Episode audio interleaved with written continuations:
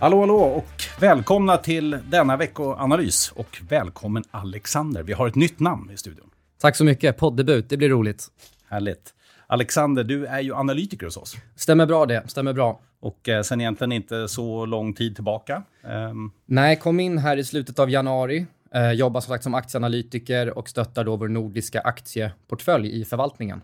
Härligt. Och vad är anledningen till att Alexander är här? Jo, självklart. Vi pratade ju redan förra veckan om att lite yesterday's news. Det är inflation och centralbanker. Vi kom in på att fokus skiftar till rapportsäsongen. Vad, är in, vad ska man göra då? Jo, ha lite fokus på rapportsäsongen, det vill säga ett aktiespecial. Och det är ju alltid lite roligt.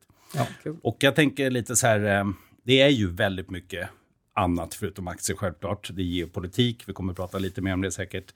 Eh, men aktier är ju både roligt och det är framförallt också viktigt när man har liksom sett de här åtstramningarna makroekonomiskt. Här, att man ser, har det kommit något till bolagen? Kanske framförallt tänker jag verkstadsbolag som det börjar komma lite rapporter nu, så man ser om det liksom påverkats. Men om vi börjar förra veckan, då fick vi ju Volvo bland annat. Eh, ja. Som kanske en sån. Vad, vad, säger vi om Volvo? Var en ganska bra rapport, eller? Ja, kom in bättre än väntat. Um, de upprätthåller sina marginaler bra. Uh, orderingången på antal lastbilar var något lägre än förväntat, men uh, deras prisökningar som har gått ut här under de senaste åren, driven av inflation, håller uppe marginaler. Um, så att, ja, mångt och mycket en väldigt bra rapport där både lastbilar och anläggningstillgångarna som säljs uh, går väldigt bra. Vad tror du? De har ju rätt bra kassaflöden och så här. Kommer det lite bra utdelningar? Jo, men det tror vi. Det tror vi. De har en väldigt stark kassa, väldigt stark nettokassa. Så uh, jag tror ungefärligt att man estimerar runt en 8% i direktavkastning nu uh, på Volvo för 2023. Ja, Fantastiskt. Och det är med ändå fortfarande ganska rimlig värdering, tror jag. I alla fall när jag kikade senast. Jag är inte helt uppsjungen på de senaste siffrorna. Ja, bolaget värderas runt PE 11 på 2024 estimat, vilket kan anses relativt billigt. Det, det som är skönt, man kan lita på dig. Det är liksom, du är en riktig sifferkille. Ja, ja. Det är liksom, man vet alltid att det finns, det finns en siffra som man vet stämmer. Jag har inte alls koll på det samma sätt eh, längre. Absolut. Jag har ju varit aktieförvaltare en gång själv i tiden, men eh, det är tyvärr rätt länge sedan. Ja. Men du, om vi kollar vidare då. Eh, vad har vi mer som passar till det? ABB hade vi föregående vecka. Eh, också lite så här, kanske en konjunkturindikator. Absolut. Ja, eh, ABB kom in förra veckan där. Även där så hålls marginalerna upp eh, väldigt, väldigt bra. Eh, orderingången minskar, minskar någon procent, men de har en väldigt stor orderbok som de kan beta av och det är både gott för marginalerna även framöver då på grund av effektivitetsgraden som man kan upprätthålla i sin produktion. Um, så att ABB växte ungefär runt 8% på omsättning och uh, sitt justerade rör rörelseresultat växte runt 13% Det är ändå uh, bra siffror måste man ju säga. Ja, det tycker jag. Samtidigt, det krävs ju lite också. Liksom, alltså för, det kanske inte ens räcker att nå förväntningarna den här rapportsäsongen med tanke på all oro som är utöver. Man kanske måste slå dem för att det faktiskt ska ge utslag i kursen också, eller vad tror du om det? Ja, precis. Som man såg också aktiekursen blev nedtryckt på rapportdagen då drivet av den lägre orderingången. Så, okay. så många blir ju såklart rädda för framtiden och mm. vart bolagen ska ta vägen. Ja, jag förstår. Sen tycker jag var intressant, det eh, kom ju lite bankrapporter. Dels Nordea, eh, lite bättre resultat, lite lägre kreditförluster, men sen framförallt var det inte ett rekordresultat från Handelsbanken som kom också? Ja, och jag tycker det som generellt man ser i, i bankerna är att verkligen räntenettot trillar igenom. Mm. Man ser att kreditförlusterna fortsätter vara på betydligt lägre nivåer än vad som är estimerat. Mm. Uh, och det bådar ju gott för väldigt hög utdelning i, i storbankerna då de generellt sett är relativt lågt värderade. Mm. Ja, ja, men eh, bra att se. Och eh, som sagt, Handelsbanken, jag tror det var 17% bättre än förväntat på resultat. Men samtidigt en hel del trading i det där också. Så mer fokus på faktiskt räntenetto som är kanske mer uthålligt, vi får se. Eh, och sen framförallt kreditförluster om man liksom börjar oroa sig för det när räntorna är högre. Så Absolut. Klart intressant. Absolut. Vi hade Huskvarna, Eh, där är det ju snarare inte samma positiva. Det var ju redan neddragna revideringar inför eh, rapporten. Det har ju varit, vi pratade om det kort förra veckan, liksom, att det har varit tufft med bevattningssäsongen när det regnar så mycket och så vidare. Så där kom man med ett förebyggande kostnadsbesparingsprogram och rapporten var väl allmänt lite svagare än väntat. Då. Så tufft kanske i mer konsumentrelaterade bolag. Det får vi se mer om självklart. Ja. Något annat föregående vecka nu lyfta fram, jag tänker Novo Nordisk framförallt, det är ju sådana här bolag som ni har lyft fram. Um, flera gånger. Vad, Precis. Eh, Novo Nordisk de kom ju med en omvänd vinstvarning där gällande tredje kvartalet, där omsättningen växer 38% och det justerade rörelseresultatet växer 47 Eh, och det här är då drivet av högre förväntningar i USA gällande Ozempic och Vegovi. Och eh, Ozempic och Vegovi är då kopplat, eh, eller baserat på semaglutid då. Eh, och så är det kopplat till diabetes och obesitasmedicin. Eh, och utöver det så kom även en, en eh, press, ett pressmeddelande då där en studie har avbrutits, vilket då är positivt, som har att göra med att semaglutid även då kan förhindra diabetiker som har kronisk njursjukdom. Eh, så kan det då förhindra den problematiken eh, när man tar den här medicinen. Spännande. Novo Nordisk har varit en riktig framgångssaga verkligen, så här måste man ju säga. Och inte minst i vår portfölj. Absolut. Det har varit, väldigt Absolut. bra att, att vara ägare till Novo Nordisk. Ja, det har gynnat sig. um, något annat föregående vecka av liksom rapporter som du vill lyfta fram? Uh, ja, på fredagen där så kom uh, Lifco med rapport. Uh, Lifco som då är serieförvärvare som är inriktade mot dental, uh, demolition and tool och system solutions då. Eh, fortsätter ha starka marginaler. Organiska tillväxten kom in på, på negativt 1% vilket var bättre än väntat. Och eh, Lifco fortsätter göra det som vi vill se Lifco göra, att förvärva nischade bolag med bra marginaler till rimliga multiplar. Mm. Um, Köpa billigt och värdera dyrt själv. Ja. Det, det, har varit liksom själva grejen med Vinnande koncept. Kan man säga. Precis. Härligt. Ja, men det känns som vi har täckt in många av bolagen föregående vecka. Eh, om man bara liksom kort bara tittar på vad var det för makro egentligen. Något att lyfta fram var väl kanske kinesiska siffror som kom, eh, där eh, inte minst BNP-tillväxt som var klart bättre än väntat, 4,9% tillväxt år över år. Då. Förväntat har jag för mig var 4,4, så det är i alla fall lite positivt tecken. Annars så har vi ju mycket orovärden och framförallt när vi tittar in i liksom, eh, de närmaste veckorna så har vi den här geopolitiska oron. Den har väl höjts ytterligare ett, ett steg i samband med att det är fler oroligheter i övre Mellanöstern. Och eh, ja, Självklart så är en orolig marknad på grund av det. Men det vi gärna vill lyfta fram och som vi faktiskt också precis har gjort en analys på, tittar man lite så här på längre sikt och hur geopolitiska konflikter har påverkat marknaden på sikt så, så är det sällan en långvarig effekt. Utan tittar man på börsen så är det ofta upp redan någon vecka eller två efteråt och framförallt när man tittar kanske någon månad eller ett år efter en sån här händelse.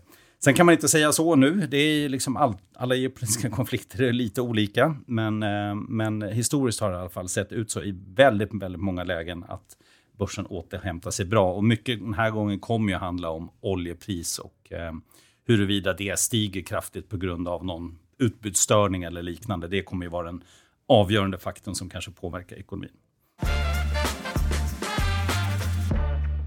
Men du, om vi då kikar in i den här veckan då. Eh, jag tänker först så här, förra gången så pratade vi kort om eh, vad, det, vad som har kommit, vad som är förväntat och då har vi jättebra statistik på amerikanska börsen. Eller vi har inte så jättebra sammanställt i, i Sverige egentligen. Alltså på så här, det, det finns väl någon konsensussiffra, men i USA är det väldigt, väldigt tydligt liksom, så ja. vad som finns. Eh, så nu har 17% rapporterat i USA. 73 eh, visar bättre än väntat resultat. Och tittar vi den här veckan så är det ju IT i fokus. Så många teknologibolag som kommer. Och vissa är mer tech än andra. Det är Microsoft, det är Alphabet, det är Meta, det är Amazon och så vidare. Och här måste vi få lite bra framtidsprognoser. Liksom, så. Eh, jag roade mig också och läste lite mer om just Rapport så Jag bara tänker ta den kort innan vi hoppar in i svenska bolagen. Eh, det är ju rätt galet egentligen, för vinsttillväxten Q3, förra gången sa vi tror jag plus 0,3 väntad. Eh, nu är det väl minus 0,4, det ändras ju lite hela tiden. Eh, men tar man bort eh, IT-sektorn så ser det ju faktiskt helt annorlunda ut. Bara om du tar bort Nvidia, det enda bolaget, då är du på minus 1,8 för hela S&P 500. Tar du bort Nvidia ur techsektorn som ska växa då 4,5 procent det här kvartalet, ja, då är du på minus 2,9. Så det liksom handlar väldigt mycket om några få bolag. Och det här vet vi om. Men, eh, ja. Med det sagt, så jag tänker att vi egentligen hoppar över lite grann till eh, till eh, veckans rapporter och kanske håller oss till bankerna initialt. Eller ska vi börja med Sandvik förresten, som vi faktiskt har kommit idag? Ja, absolut. Sandvik kom ju tidigare här idag, före lunch. Eh, generellt sett så är det lite, lite lägre omsättningstillväxt. Eh, orderingången är även lite sämre än väntat. Eh, men de upprätthåller marginalerna bra. De fortsätter att fokusera på tillväxt framöver och att upprätthålla sin rörelsemarginal över 20 procent, vilket de gör väldigt bra. Härligt. Så en bra indikator i alla fall då. Jag nämnde ju eh, SEB, eller att det kommer fler banker. Och det kommer ju faktiskt både SEB och Swedbank. Och gissningsvis är det väl räntenetto som ska driva på här. Eh, rekordhögt definitivt. Eh, I Swedbanks fall kommer det vara, men det är också det här hotet hela tiden, amorteringar och så vidare. Hur mycket har det gjort? Eh, och sen har vi lite andra, andra saker. Vad, vad, tror du om, om man tittar på SEB till exempel? Då? Jo, men SEB har ju sin inlåning från lite mer vad man ska säga, en diversifierad kundbas där det är mer företag exempelvis än ett Handelsbanken som är väldigt fastighetsexponerat. Eh, och även SEB borde få räntenettot som slår igenom och även de då ha stabila kreditförluster. Så att jag tror att det är ett genomgående tema för samtliga storbanker under den här rapportsäsongen. Och även där, som vi nämnde förut, bra utdelningskapacitet då, eh, gissningsvis. Precis, även de har en bra utdelningskapacitet. Ja. Härligt. Och sen har vi som sagt Swedbank. Ehm, I övrigt den här veckan, Atlas Copco kommer. I de här bolagen är det väldigt mycket fokus på orderingång och så. Tänker jag. Ja, eh, inte minst som man också såg nu med, med industribolagen och som Sandvik eh, rapporterade så är det mycket fokus på orderingången just. Eh, väldigt mycket industribolag har generellt sett en rätt bra orderbok att beta av, eh, som exempelvis även ABB. Mm. Så det bådar ju gott då för omsättningstillväxten. Men eh, orderingången säger kanske mer om framtiden eh, och det är väl därför fokus hamnar där. Japp. Så orderingång fokus både på Atlas, eh, vi får SKF den här veckan. Där är det kanske lite svagare utsikt i industrisegmentet, men också där som du säger, lagen i byggnad och annat. Ehm, och sen så är det väl, kan jag tänka mig också, fortsatt lite fokus på marginalutveckling till följd av att liksom, leveranskedjor är mer normaliserade. Då. Ehm, och till viss del högre priser också, självklart. Absolut, många av dem har ju fått ut sina prisökningar. Uh, de har även generellt sett byggt upp väldigt mycket varulager som nu under H2 framöver väntas att betas ner, vilket kommer gynna kassaflöden för de här bolagen. Och detta drivs ju då av att exempelvis den komponentbristen som fanns förut inte längre finns kvar i, alls i samma utsträckning. Eh, så det här gynnar ju då kassaflödena eh, både under H2 i år och, framöver.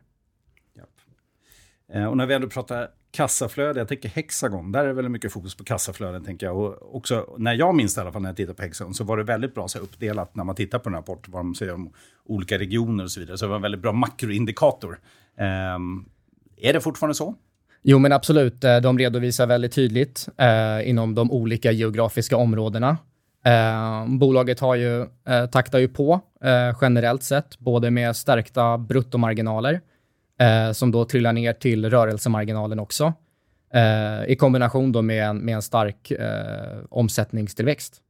Så att det ska bli kul att se hur, hur rapporten kommer in här nu för det tredje kvartalet. Mm. Flera av de här bolagen vi nämner eh, har vi också i vår portfölj, så vi har ja. lite grann redan liksom lyft fram de vi, vi tycker om. Eh, kanske inte när jag pratar Swedbank och liksom några andra, men, men eh, absolut Hexagon finns väl i portföljen. Hexagon finns i portföljen, yes. Eh, precis, så att vi, vi har liksom, det kommer så många rapporter nu så att vi, vi försöker helt enkelt hitta några intressanta. Ja. Det man kan säga övergripande är ju så att förmodligen så kommer det vara så att små negativa avvikelser kan leda till ganska stora kursrörelser. För att det är, det är ganska höga liksom, förväntningar om att faktiskt komma med fortsatt bra siffror. Det tror jag och även fokus på vd-orden, att eh, de ja. kan vara mer försiktiga framåt. Eh, och det kan driva mycket även det. Yes, så framtidsutsikter eh, och faktiskt slå resultat och orderingång i just eh, verkstadsbolagen. Då. Vad har vi mer? Castellum är också ett sånt som vi faktiskt har eh, att rekommendera. Ja, eh, fastighetsbolagen har ju generellt haft det tufft i år om man kollar på ett fastighetsindex. Eh, vi föredrar ju Castellum och Fabege där just av den låga balansräkningsrisken och eh, den geografiska spridningen på fastighetsbeståndet. Eh, så att mycket fokus där hamnar ju då på såklart eh, hyresökningar som drivs av KPI-indexerade hyresökningar som skedde vid början av året, eh, som var kan vara upp mot 10 procent. Eh, blickar vi framåt här även inför 2024 så väntas hyreshöjningarna vara runt 5 till 6 procent. Eh, så det gynnar ju självklart fastighetsbolagen. Sen det som arbetar emot dem är ju den högre räntekostnaden och eh, det är därför som vi då gärna äger fastighetsbolag som har en låg skuldsättning i relation till fastighetsbestånd. Och det är Castellum? Och det är Castellum och Fabege, både, båda de. Härligt. Mycket bra. Jag tänker så här, tiden rinner iväg. Du som inte har varit här, du, det är liksom, tiden bara springer. Det har i princip gått en kvart, men det går vi har inte dragit lite grann. Om vi bara tar ett sista bolag då. Jag tänker också något som, som jag vet du gillar, Thule. Ja. Uh, och det här är ju liksom, jag pratade ju förut när vi pratade Husqvarna, så sa jag att det är liksom lite tuffare på konsumentmarknaden och så. Här. Är det, liksom, det finns ändå lite vinstvarningar liksom, kring konsument. Är det, är det lite svagare utsikter och hur, hur känns det? Ja, eh, Thule tror ju vi har bland det tuffare i ryggen. Eh, de uppvisar här under första halvåret en väldigt stabil rörelsemarginal trots väldigt starka volymtapp. Och detta drivs ju då av att man under, egentligen i efterhanden av covid, så har man byggt upp en mer flexibel kostnadsbas i sin produktion. Um, och nu då så kommande kvartal här så kommer inte kompsen, uh, jämförelsetalen då vara lika, lika jobbiga. Så att även om, även om uh, volymtillväxten uh, inte kommer tillbaka helt och hållet så väntar vi, väntar vi oss även att uh, rörelsemarginalen ändå kan hålla en, en god nivå framåt. Härligt. Så Thule också ett innehav så att säga. Ja. Eh, och sen är det ju självklart så, det, det kommer många fler rapporter. Det, vi har SSAB och vi har liksom, ja, en rad andra rapporter. Det här är en väldigt tung vecka. Och det kommer framförallt många utländska rapporter också. Vi kan inte ta allt, men vi kommer säkert nästa gång, nästa vecka, eh, hitta ett litet urval även där. Eh, någonting värt att nämna ändå kring makrohändelser, även om vi inte har fullt fokus kanske på det den här veckan. Vi har lite eh, inköpschefsindex. Det kommer preliminära siffror, bland annat i eurozonen och i USA. Och där kan man väl fortfarande säga att tillverkningssektorn ligger betydligt lägre, det vill säga under sån här, eller på kontraktionsnivå, under 50 som är neutralvärdet. Så 43,7 väntat i, i EU och i USA så är det 49,5, vilket är i och för sig ganska nära då, medan tjänstesektorn ligger lite högre för båda då. Ehm, vi har också Sverige utlåningstillväxt på torsdag. Vi har eh, ett räntebesked i Europa som ju inte minst på grund av geopolitiska händelser verkar ganska säkert att här kommer det inte bli några förändringar. Ligger kvar på 4,5 procent väntat. Vi har BNP-statistik i USA på torsdag också preliminärt ska växa då med 4,1 Och vi har lite detaljhandelssiffror i Sverige som jag ändå skulle vilja lyfta fram för att det ja, ser onekligen lite svagare ut på den fronten. Och sen tänkte jag egentligen bara för att avsluta, det har ju varit en lite svagare vecka. Eh, väldigt mycket fokus är fortsatt på naturligtvis geopolitik, men också ränteutvecklingen. För första gången idag sedan 2007 så har vi en amerikansk tioårsränta på över 5 eh, Och eh, det är ju naturligtvis mycket värt att bevaka. För bara en månad sedan så låg den här på 4,4 ungefär. Så det går ganska fort i ränteuppgången. Och givet att det här går mycket snabbare än vad vad man tror, eller mycket, till mycket högre nivåer, så blir det också mer åtstramande självklart. Så det hoppas vi ger sig med tid. Så med det sagt så tänkte jag egentligen bara tacka för att du var här och en bra insats och du är välkommen igen. Ja, tack för att jag fick vara med. Kul med poddebut. Härligt. Och eh, för oss andra så hörs vi nästa vecka.